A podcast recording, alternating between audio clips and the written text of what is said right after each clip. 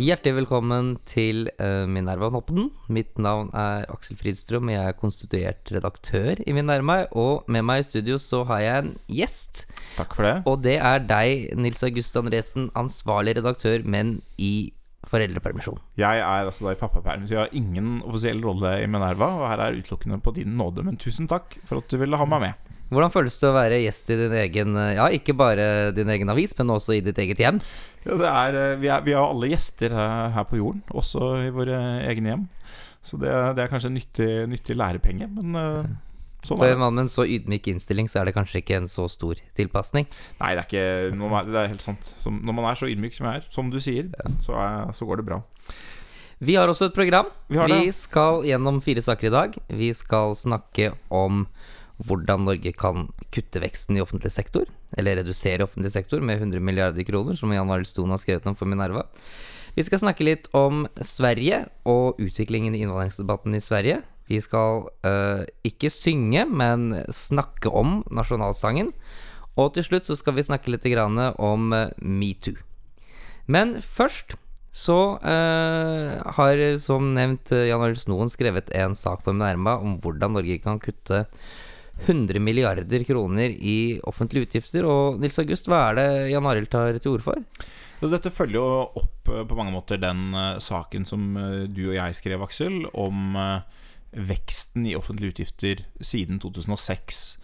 ja, eller de siste 10-12-15 årene, hvor oljepengebruken har eksplodert. og hvor vi bruker mye mer penger på en rekke felt enn vi gjorde tidligere. og da er det et spørsmål Får vi så veldig mye mer igjen for det? Er velferden blitt så, så veldig mye bedre? Er vi blitt et veldig mye bedre land pga. denne pengebruken? Uh, noen ganger er svaret kanskje ja, men spørsmålet er om den alltid er det. Altså Økningen i pengebruk har jo vært i størrelsesorden flere hundre milliarder kroner. Så det Jan Arild Snoen gjør, det er at han konkretiserer litt grann, uh, hvordan er det disse utgiftene ser ut. Hva er det som det er mulig og realistisk å kutte? Hvor han har på en måte to parametere som han går etter. Den er hvordan var det i Norge før, altså sånn si 2005-2006, eh, på den tiden? Eh, hvordan vil det være å gå tilbake til et sånt utgiftsnivå? Et sånt nivå på tjenestene? Men andre ganger sammenligner han med land det er naturlig å sammenligne seg med. Fordi Norge har jo stort sett høyere pengebruk på de fleste felt enn og bedre ordninger eller mer, mer Så han sammenligner med resten av Norden, eller med Ja, med resten av Norden og, og Nederland og Tyskland og land som vi kunne sammenligne oss med. Og Da kommer man altså frem til 100 milliarder, og det er nok mange som vil være uenig i deler av det. Men eh, jeg tenker at det er, det er en veldig god illustrasjon på eh, hvordan rommet for utgiftsreduksjoner åpner seg hvis man begynner med den innstillingen. Ikke, ikke, hvis man begynner med Hvor kan vi kutte 500 millioner nå? Uh, for, for, når det er sånn man gjør det, når man har sånn ostehøvelprinsipp, ikke vil røre ved ordninger av betydning, uh, så ender man opp med uh, altså små, små ofte det man kan kalle tullekutt, som har typen effektivisering mm. i administrasjonen i offentlig sektor, som for så av og til kan være reelt nok, men av og til er det uklart hva det egentlig betyr. Mens andre ganger så kutter man i ordninger som gjelder ganske få mennesker.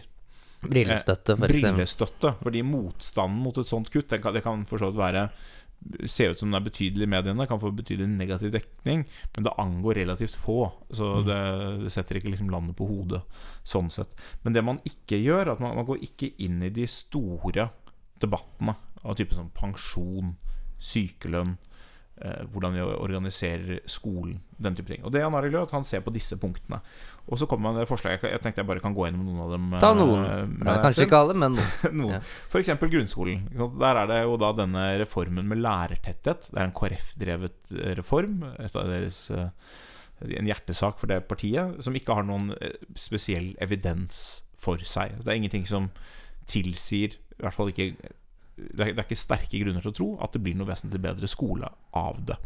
Og det kan være mange grunner til, bl.a. som vi har snakket om tidligere på podkasten her, Aksel, at når man skal ha mye flere lærere, så vil du ofte få inn noen litt dårligere lærere. Uh, kanskje det gir dårligere resultater enn om det var færre, men bedre lærere. Eh, men at det er andre utfordringer som kanskje ligger til grunn når skolen ikke lykkes også. Så der kan du kutte noen milliarder. Så sier han også hva om vi reverserte eh, at vi utvidelsen til 13 skoleår? Hva har den egentlig gitt oss? Uh, han mener da å kunne si at det er ikke så mye som tyder på at det har gitt veldig gode resultater. Mange andre land har tolv års skolegang. Og til sammen så gir det et kutt på 7 milliarder, som et eksempel. Og så eh, Et annet type eksempel er å se på pensjonistene, uh, alderspensjonen, som i dag justeres med en uh, blanding av inflasjon og, og, kjøpekraft. Hvis vi hadde holdt oss til inflasjonsjustering, så kunne vi spart 18 milliarder kroner, uh, sier Arild. Uten at noen får det dårligere enn de har det i dag. det er bare at da, da vil ikke pensjonister i fremtiden gjennom pensjonssjekken få Eh, få del i lønnsveksten. Og Begrunnelsen for det sier han Arild, er at det er, eh, dette er da den gruppen som har lavest gjeld, høyest formue, eh, og på mange måter er en relativt gunst, begunstiget gruppe på, på, mange ulike måter. så det er, liksom, det, viser, det er et par sånne felter hvor det viser hvor mye man kan ta. Og så er det som vi har snakket om før her også på podkasten, sykelønn er også en sånn type Jeg tror jeg snakket om det, i hvert fall. Type pott hvor Eh, hvor det kan ha en del gunstige effekter å redusere ytelsesgraden noe. I dag er det 100% et av veldig få land, kanskje det eneste landet som har full kompensasjon, opptil seks ganger grunnbeløpet. Hvis man reduserte det noe, så, så vil folk være kortere sykemeldt. Og det har, det har, en god økonomisk konsekvens, men det har også en veldig god konsekvens for mange av de sykemeldte, fordi jo lenger man er syk, jo lenger man er fraværende fra jobb, jo tøffere er det ofte å komme tilbake. Mm. For man har vært borte så lenge fra arbeidslivet og kontakten med, med arbeidslivet. Jan Arild har jo også noen eksempler både fra kulturliv og eventuelt også fra, fra høyere utdanning som heller ikke altså virker ikke uh, som, som, som, urimelige kutt. Da. Mm. Men uh, hvis vi legger til grunn da det som de, Jan Arilds logikk og dine resonnementer eh, rundt dette her, at det er jo ikke så urimelig at man bare skulle gått til det nivået på denne ytelsen som finnes i Danmark eller Sverige, eller hvorfor kan vi ikke gjøre det sånn som de gjør i Nederland det er, liksom ikke, det, er ikke, det er ikke så forferdelig der. Altså Hvis det er så enkelt å kutte disse 100 milliardene, hvorfor, hvor, hvorfor er det aldri noe politisk momentum i Norge for, for å gjøre akkurat det? For det, det, virker jo ganske fornuftig. Mm, jeg tror det er tre grunner uh, til at det er sånn.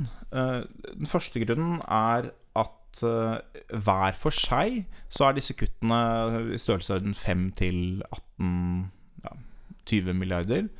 Og isolert sett så er det ikke nok til å, å, gjøre noen dramatiske grep på enten det er på skattesiden eller om det er andre utgifter man heller ville prioritert. Så det er liksom isolert sett hver gang Hvis du foreslår et enkelttiltak, så er det ikke nok til at du kan på en måte Du tar frem pisken, men gulroten din blir ikke stor nok.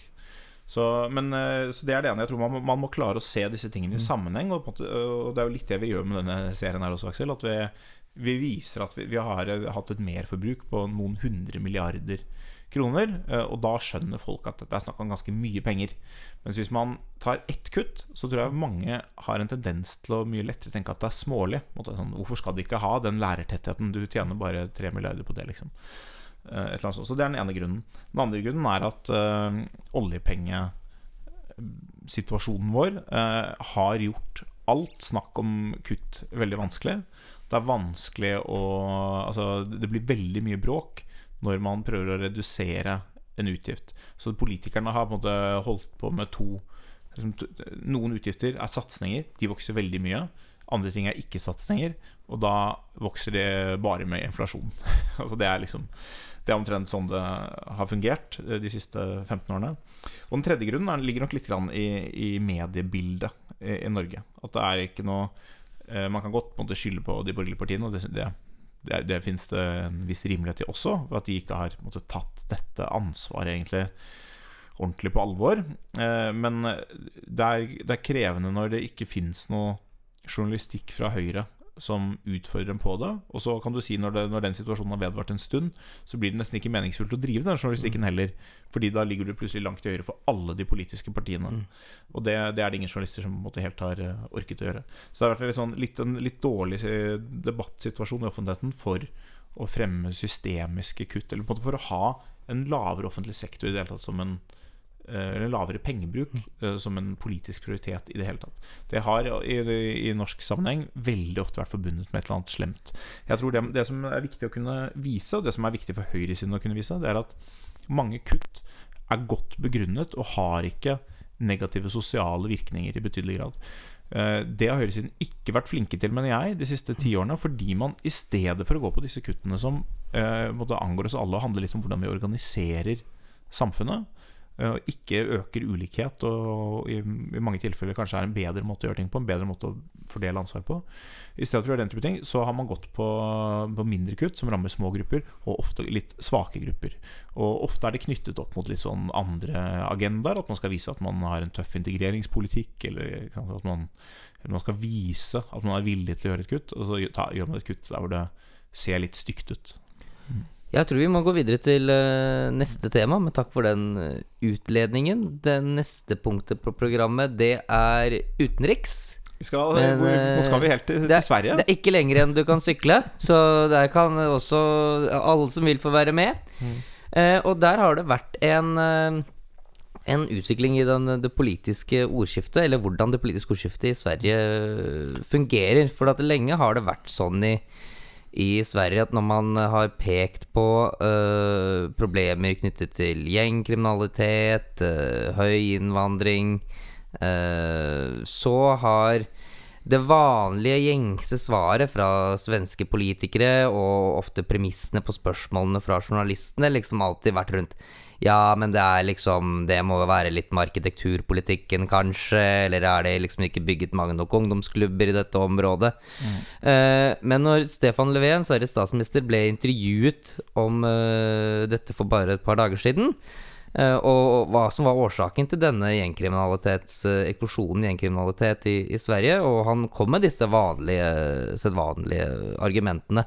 Mm så eh, flyr ikke det lenger i det, i det svenske ordskiftet. Snarere tvert imot. Hva er det som har skjedd? For Plutselig har debatten blitt liksom, eh, Plutselig har skandalen blitt hans eh, svar. Det pleier å være sånn at hvis noen sier noe annet, så kommer det påstander om at man lefler med Sverigedemokraterna eller noe sånt. Men denne gangen så har det blitt sterke reaksjoner på og latterliggjøring nærmest av det han har sagt. Hva er det egentlig som har skjedd? Ja, det er flere ting som har skjedd. Det ene er jo at uh, Det Moderate Samlingspartiet, som er en del av opposisjonen i, i Sverige, uh, og som Høyres søsterparti. Eh, søsterparti, ja. og eh, som ofte også kanskje har lagt seg eh, Kanskje litt for ofte på den samme måten å argumentere på som Löfven her, her også gjorde. Har eh, hadde Ulf Kristersson har jo da skjelt han ut i en Facebook-status, men også i tillegg beklaget da at Moderaterna eh, har til en viss grad også bidratt til å frosse ut eh, innvandringskritikere fra sitt eget parti og fra det offentlige ordskiftet. Og i tillegg så uh, sier han at det er helt åpenbart da, at disse problemene er forårsaket av uh, for høy innvandring over tid. Mm. Og det er også den vinklingen som nesten alle de store svenske avisene uh, forfølger. Uh, og det er en veld, veldig spesiell utvikling i det svenske ordskiftet. For det, for bare inntil et par år siden så var det diametralt motsatt. Ja, Det er veldig betydelig endring. Det, det er jo interessant altså den biten med at han uh, faktisk uh, sier uh, unnskyld, altså beklager moderaternes rolle i den offentlige debatten. Det er jo interessant. Jeg kjenner ikke en ordentlig tilsvarende eksempel, egentlig. Skjedde, I Norge så skjedde det jo ikke sånn. Altså, vi hadde jo på mange måter en litt eh, lignende situasjon strukturelt. Vi hadde jo ikke den samme gjengkriminaliteten, eller sånn men vi hadde et dårlig forhold mellom Høyre og Fremskrittspartiet gjennom mange år som endte med en tilnærming eh, før valget i 2009. Eh, og så, så, senere selvfølgelig regjeringssamarbeid. Og det skjedde jo ved at man over tid tonet ned retorikken og eh, begynte å samarbeide med konstruktivet på Stortinget og, og sånn, men ikke med at man gikk ut og sa noe om sin rolle i debatten som sådan. Nå, nå, var jo Norge aldri så parodisk, kanskje, som, eh, som det Sverige etter hvert er blitt i, i nordmenns øyne, hvor, hvor både åpenbare mulige forklaringer uh, er fullstendig, eller har vært fullstendig tabu.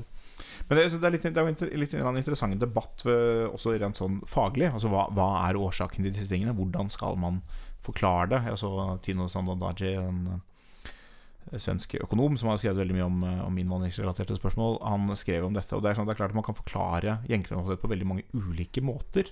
Akkurat ungdomsklubber er kanskje ikke noen, noen god inngang, men fattigdom for eksempel, er jo en type inngang som har forklaringskraft. Og så er spørsmålet hva er forholdet da mellom innvandring og fattigdom? Det kan jo hende at innvandring Innvandring kan jo være en potensiell driver, driver for fattigdom. ikke sant? Men, men, det mange svenske forskere har gjort, er at de, de har jo sett på sånn, innvandringstall og, og hvem, hvem, som begår dette. Og sånn, og da kan man jo si sånn Ja, men dette er jo barn av innvandrere, så dette har jo ingenting med innvandring å gjøre i betydningen pågående innvandring. Det vil jo være sant. At du vil ikke redusere kriminaliteten av annengenerasjons innvandrere i dag Vi vil redusere innvandringen nå. Eh, Men, men den eh, Jeg tror det, det større bildet som er liksom så åpenbart, hvis du tar et skritt tilbake, eh, som jeg tror folk som ikke er svenske samfunnsvitere, har en tendens til å gjøre, så vil du på en måte se at hadde det ikke vært innvandring fra 1970, eh, så ville ikke situasjonen i de svenske forstedene sett ut som den gjør. Det er, på, det, er Ja. det som er påstanden. Ja. Det er en veldig enkel påstand, og den er åpenbart riktig. Det er ikke så lett å konstruere akkurat hvordan det hadde sett ut, men det hadde helt sikkert eh, nesten helt sikkert vært mindre fattigdom og utenforskap. Og så, så sier man jo da at eh, sjansen for at denne situasjonen blir verre hvis vi fortsetter med den samme innvandringen om 40 år, den er veldig stor. Eh, og det er liksom den koblingen som man ved intellektuell fiksfakserier har nektet å gjøre i den svenske debatten. Ja, jo nå- ofte forsøker å nesten å bortdefinere, ikke sant? Altså man sier at uh, ja, det er ikke noe mer kriminalitet i innvandrerbefolkningen, f.eks. Hvis vi bare korrigerer for litt sånn sosioøkonomiske faktorer som utdannelse og fattigdom og den type ting. Men problemet er at det, det er en del av bildet, da. For det kommer jo nemlig, nemlig at de ikke har så mye utdannelse, mange av dem, og kanskje har dårligere forutsetninger for å erverve det fordi de mangler språk. Og det gjør rett og at du, blir- du produserer fattigdom. Så disse tingene henger sammen, ikke sant. Så det blir litt som å si at eh, ja, hvis du har en hamburger og korrigerer for kjøttost, så er det like sunt som rundstykke med salat, ikke sant. Det, det er det jo, men det er jo ikke det vi diskuterer, for er, kjøtt og salat er på hamburger, ikke sant. Ja. Nei, det er, eh, men det, det, det interessante i den svenske debatten nå er nettopp det at plutselig så virker det som det, det, det liksom åpenbare større bildeargumentet er plutselig med. Ja. Og da ser man Da endrer hele debatten karakter. For da eh, da er det, jo- Jeg tror Kristersson skriver omtrent det, liksom, det, går ikke an å, å benekte at dette har noe å gjøre med innvandring. Som da I fravær av det store bildet Det var mulig på en måte å sitte og krangle på hele tiden. Og den, så den svenske debatten har vært en sånn evig krangling på Kan vi liksom be bevise at det er innvandring. Og så, oi, skal vi se, Ja. Eh, Så er det også en litt sånn interessant ting at det, er jo alltid vanskelig å bevise noe i, mm. i samfunnsvitenskapene. Så jeg tror eh, noe av det som ble påpekt i denne debatten, var at eh, Löfven sier 'jeg vet ikke hva som er årsaken'. På den ene side. Vi, vi vet ikke Det er vanskelig å si sikkert hva som er årsaken. Men på den annen side har han vært ganske tydelig på å si at det er ikke innvandring som er årsaken. Og de to tingene går ikke i hop. Enten så vet man ikke hva som er årsaken, og da er det potensielt også innvandring. Man må være villig til å vurdere det. Eller også så vet man hva som er årsaken. Du må være konsekvent i hva du krever skal anføres for bevisbyrde. Ikke sant? Du kan ikke si at 'jeg vet ikke', men jeg samtidig utelukker. Ikke sant? Eh, vi bør vel kanskje gå videre i programmet og komme til en ny sak.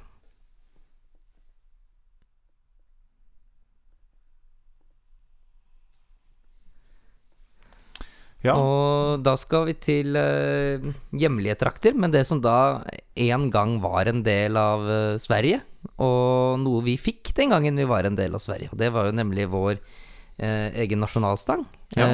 som ble forfattet av diktet av Bjørnstjerne Bjørnson. ja av den norsk-svenske dikteren Bjørnstjerne Bjørnson, må man ja, jo den, kunne den si. panskandinaviske dikteren Bjørnstjerne Bjørnson, og satt eh, melodi til av Rikard Ordrak. Mm. Og som har vært nasjonalsang eh, vel de facto i, i Norge. eh, Over 150 I over 150 år. Men som aldri er politisk vedtatt som Norges nasjonalsang. Og det, det er den jo fortsatt ikke, Aksel. Og vi får håpe at politikerne lytter til denne podkasten, så kanskje de får noen eh, gode tanker før dette skal opp i Stortinget. For det skal det i desember. Ja, eller det er allerede behandlet i uh, Stortingets kultur- og familie- og kulturkomité, heter det vel. Og de har laget en innstilling som skal debatteres og vedtas i Stortinget i desember. Ja, Så det skal litt til at vi får snudd dette. Eh, Men vi prøver. det skal prøver. litt til, men Ja. eh, vi prøver. Og dersom Minerva-podden får over 100 lyttere, da regner vi med at da blir det, da blir det omgjort. Eh, men det da Stortinget har gått inn for å gjøre, det er jo da å vedta at man anerkjenner dette som Norges nasjonalsang. Mm. Eh, og det tror jeg er svært uklokt. Ja, du har vært veldig kritisk til dette. Hvorfor det? Nei, det har å gjøre med at det, det første er at den tradisjonen som sangen står i, er eh, mye finere enn at den er et del av et uh, politisk vedtak. Altså Den norske nasjonalsangen handler om at Norge fikk en nasjonalsang også før vi ble en selvstendig nasjon. Så det betyr at eh, vi kunne få vår egen nasjonalsang selv liksom når politikken ikke nødvendigvis ville det. Eh, Og at den da også står over politikken, da, og ikke er noe som nødvendigvis trenger å politisk diskuteres i Norge. Så det å eh, vedta at 'Ja, vi elsker' skal bli Norges nasjonalsang, det er egentlig bare å slå inn en, en åpen dør, en form for symbolpolitikk. Og det er jo Fremskrittspartiet som også har foreslått å gjøre dette og dette, og det virker litt som litt sånn nasjonalistisk symbolpolitikk. Eh, og, men hadde det bare vært symbolpolitikk, altså at det er ingen negative konsekvenser, så hadde det kanskje ikke vært så farlig. Men det er også eh, noe med dette som er veldig uheldig, rent sånn proseduelt. Og det er at med en gang du åpner for at eh, nasjonalsaken blir en del av politisk behandling Altså, politikken er jo egentlig en konflikthåndteringsmekanisme. Altså, vi, det er ingen grunn til å skrive ned ting du egentlig ikke er uenig om. Så når du, når du putter dette inn i en politisk kontekst, da har du skapt en presedens for at det er ok å i Norge begynne å diskutere eh, om dette skal være Norges nasjonalsang 1, men eventuelt hva som skal være innholdet i sangen. Og det man har sett fra andre land, er at eh, det har vært ganske opphetede politiske debatter eh, i de stedene der hvor eh, nasjonalsangen har vært nedfelt i lov, hvor det har vært mye påtrykk da, for å få endret enkelte ord i sangen. Ikke sant? Canada f.eks. har gjort sin nasjonalsang kjønnsnøytral, det samme har de gjort i, i Østerrike. Og dersom man åpner for at liksom nasjonalsangen er en del av en politisk debatt, disse tingene ligger til behandling i Stortinget, og det er en presedens for det, så er det en, potensielt sett en risiko at den type debatter også kommer til Norge. Og det tror jeg vil være eh, veldig trist, for at det vi har i Norge, er for det første en nasjonalsang som er hevet over politikken, og som det ikke er noe uenighet om. Og da er det heller ikke noe poeng i å åpne for å skape den type enheter i fremtiden. Hmm. Jeg, jeg, både Jan Arild og jeg skrev jo hver vår uh, nye, nye varianter av nasjonalsangen etter denne Ja, litt mer politisk moderne og politisk ja, korrekte. Etter denne endringen ja. i Canada, før, før, vi visste at noen i Norge skulle finne på noe så dumt som å ta dette inn i politikken uh, også her. Uh, men det er klart at den norske nasjonalsangen har flere punkter som spesielt feminister godt kunne reagert på, hvis de hadde valgt å se på dette som et dokument som vi på en måte står inne for ord for ord. Og det er jo det man i en viss forstand åpner for når man tar det inn i, i lovs form. For vi har jo dette med 'fedrene de kjempet og mødrene de gret', f.eks. Det er jo ikke åpenbart at man ville formulert seg akkurat sånn i dag. Uh, jeg syns jo det er veldig viktig at en nasjonalsang både får lov til å være et tidsdokument, uh, fordi med en gang den ikke er det, så er det jo uunngåelig at den blir politisert. Altså hvis vi skal si 'la oss skrive ned i dag hva vi er enige om', og dette kommer man litt til debatten om norske verdier liksom, La oss legemliggjøre de norske verdiene, norske ideene, i form av en nasjonalsang, så fins det jo ingen enighet om hva det er. Eh, og hvis den uenigheten skal utkrystalliseres i en kamp om eh, et av våre fremste nasjonale symboler, så fører det jo ikke til noe annet enn splittelse i nasjonen. Så mm, at Høyre går på dette her, det er vel eh, kanskje noen forhandlinger innad i regjeringen, men det er jo eh, trist. Det er ikke noe annet å si enn det. Men at det er enstemmig, er jo kjempeinteressant. Eh, det, det kan jo tyde på at det er blitt at det er veldig vanskelig å da bli sett som den unasjonale, som ikke vil si dette her. Samtidig kan det jo selvfølgelig hende at både i SV og Rødt og andre steder er det noen som sitter og klør i fingrene og venter på å gå løs på teksten. Stortinget har fått et, uh, fått et brev fra kulturminister Trine Skei Grande, hvor hun også advarer ak ak akkurat dette at nå åpner du for å lage en politisert debatt. Så det er jo noen norske politikere som, som er uenig, og det er jo fra regjeringen mm. selv. Så det er jo pussig da at en enstemmig komité likevel går for dette, til tross for at det, ja. Den, eh, det er jo en flertallsregjering som her advarer mot å gjøre det samme. Altså, Komitébehandling er jo der realiteten i saker stort sett eh, avgjøres. Og når det behandles i Stortinget, er det stort sett bare sandpåstrøing. Men jeg vil nok oppfordre en del av representantene til å lytte på denne podkasten og, og tenke om dette er noe vi vil gjøre. For dette er ikke noe vi kan reversere.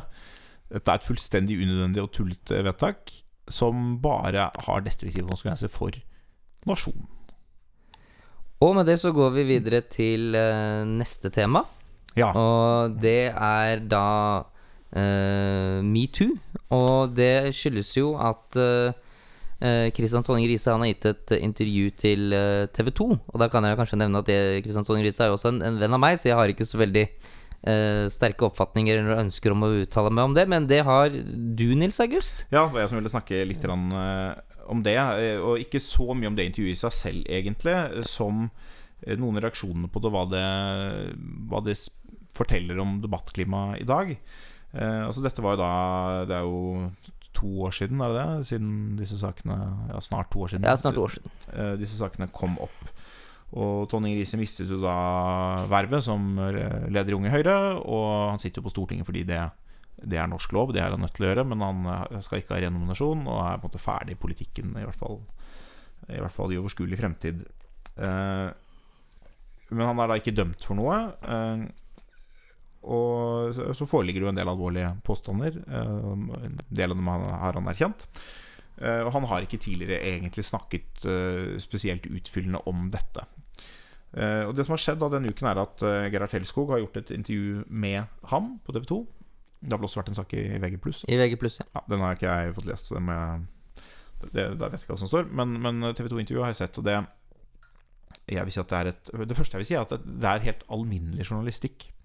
Dette er det journalistikk eh, er og gjør, på en måte Det er en, en viktig sak i, i norsk politisk eh, Ikke akkurat historie, men i norsk politisk samtid.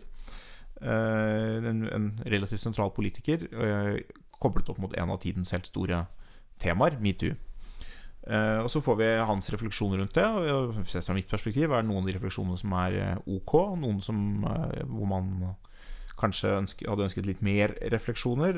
han har Noe av kritikken har vært han har litt behov for å nyansere og sånn. Og det, det er helt forståelig, det er helt menneskelig. samtidig som noen ganger, kunne, noen ganger så kan det i hvert fall fremstå som at man ikke helt forstår alvoret i det som man faktisk erkjenner. Det som ikke lar seg nyansere bort. Men det som interesserer meg med denne saken, er reaksjonene på det. Og, og Gerhard Helskog eh, skriver om dette selv også på Facebook. Eh, Bente Rognan Granklev har eh, eh, Debattredaktøren i Dagsavisen har jo da vært veldig kritisk til dette intervjuet. Eh, og ikke, ikke svarene til Tonning Riise, som helt, selvfølgelig helt fullstendig naturlig at man har ulike syn på at man, at man er kritisk til men til at det blir gjort, og, og da, hva det betyr for metoo-bevegelsen. At metoo liksom blir knust av denne, dette intervjuet.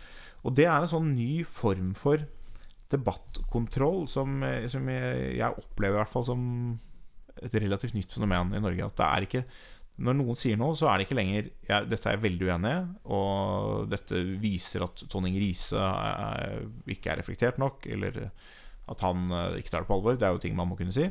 Men i stedet så går man på, på TV 2 og Helskog og sier dette burde ikke vært gjort. Dette burde ikke vært publisert eller sendt. Uh, og det har vi vi har hatt flere saker eh, Vi har snakket om noen av dem i det siste. Altså den NRK-kronikken som ble publisert og så trukket. Sagen-saken som ble publisert og trukket. Ser, jeg ser det i min feed hele tiden også. Det, og det, dette går fra begge sider i politikken. Det er ikke bare fra, fra den ene siden. Det er også sånn folk langt til høyre og innvandringskritikere. Hvis det er en Spesielt kanskje hvis det er en ung kvinne med innvandrerbakgrunn som uh, ytrer seg om at det er mye rasisme i samfunnet, sånt, så, så, er liksom, så er veldig ofte at reaksjonen ikke nøyer seg med å si jeg er veldig uenig, men sier liksom se, se, så lavt Aftenposten har sunket, som publiserer dette. Liksom. Uh, som jo ofte åpenbart er um, ytringer om viktige temaer i samtiden som målbare synspunkter som deles av mange mennesker, og er uttrykk for eh, viktige debatter i samfunnet. Så er hele den der tanken om at, eh, at standpunktet man uh, syns er problematiske, ikke burde vært publisert, ikke burde vært sendt, ikke burde vært fremmet, fordi de kan tenke sånn negative konsekvenser. Det er det som er begrunnelsen. Den ser jeg på som veldig dypt problematisk, og stort sett, stort sett helt feil. Men selv om det ikke skulle være feil, altså selv om det skulle være sånn at dette intervjuet på en eller annen måte Eh, en, gjør at folk blir mer kritiske til metoo. Jeg tror det er veldig litt sannsynlig. Folk er blitt veldig sinte. Eh, de som er, I hvert fall mange har fått opp temperaturen på metoo igjen. Men om, også om det skulle være riktig, så er det fra et journalistisk perspektiv fullstendig uholdbart. Om, om, om man skal bedømme journalistikk eh, 100 ut fra virkningene kan tenkes å ha, så vil man ikke lenger kunne forfølge sannheten. Altså er eh, Vi må på en måte Eh, ikke, eller meningsmangfold. Altså, vi må på en måte stole på en viss forstand at eh, hvis vi bruker skikkelig journalistiske virkemidler, ha, eh, så vil en fri debatt gi akseptable resultater. Og det er ikke journalistikkens altså, Det er ikke journalistikkens rolle å sørge for at alt man gjør, bidrar til optimale resultater. Da må man gå inn i en annen bransje.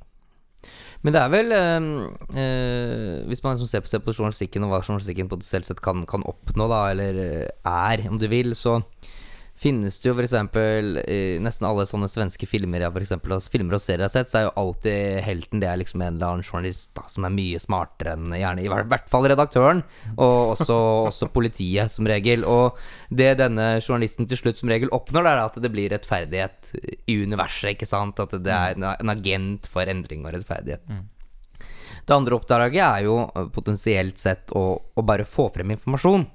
Og sånn som jeg liksom forstår deg, så er ikke de to rollene De er ikke alltid perfekt forenlige, da, så du må eventuelt kanskje velge litt grann eh, imellom dem, ikke sant? Altså, eller er det feil forstått? Ja, nei, det er, det er riktig at det er eh, altså, jeg, jeg, jeg skjønner at mange journalister eh, drømmer om å bidra til rettferdighet. Jeg skjønner ikke at journalister kan være smartere enn redaktøren. Det, det stiller jeg spørsmål ved om det i det hele tatt kan Ja, Det er antagelig helt feil, selvfølgelig. Ja, men er, i, i en film så kan man selvfølgelig gjøre det på den måten. Men eh, Nei, men uh, altså det, det, det kan være en spenning der. At hvis du, uh, hvis du som journalist uh, bestemmer deg for at det du gjør, skal bidra til en, et spesifikt utfall, så vil det være veldig mange saker du ikke kan skrive. Det vil være veldig mange intervjuer du går inn i hvor, som du ikke kan trykke. Hvis de, svarene ikke blir som du hadde håpet, eller som du er nødt til å vinkle og skrive om. Og apropos VG saken vi hadde. Ikke sant? At Hvis du må begynne å tilpasse eh, svarene du får, til den agendaen du har, så er du liksom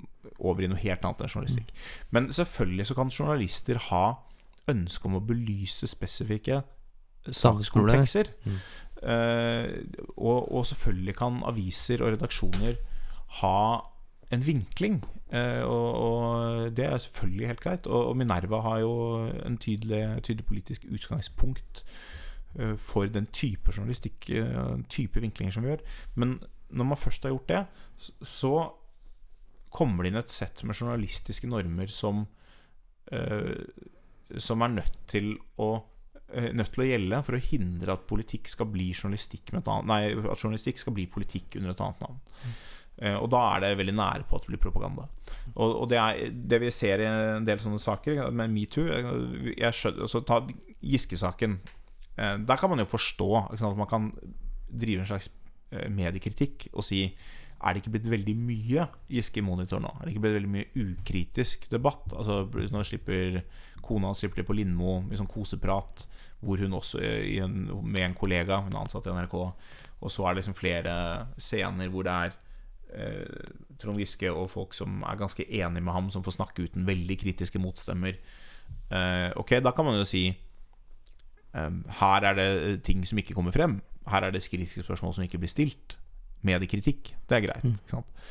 Eh, Men uh, Tonje Grise-saken er jo veldig annerledes enn det. Det er jo første gang han snakker i det hele tatt. Og han får en del kritiske spørsmål. Han er på ingen måte så apologetisk som, som Giske har vært heller. Og han søker jo heller ikke å reetablere seg som Som Trond Giske gjør, som, eh, som det ser ut utenfra, en ny mulig leder i Arbeiderpartiet. Det ser ut til å være i hvert fall noe som ikke er blitt utelukket. Uh, så det er, liksom, det er to veldig ulike situasjoner. Og det å si at man ikke skal slippe til ordet fordi det, det liksom ikke spiller på lag med det narrativet som man ønsker å skape, eh, det, eh, det er jo journalistisk veldig problematisk. Jeg tror også nesten alltid, som jeg sa, jeg tror nesten alltid det er Eller det er veldig ofte at det er galt.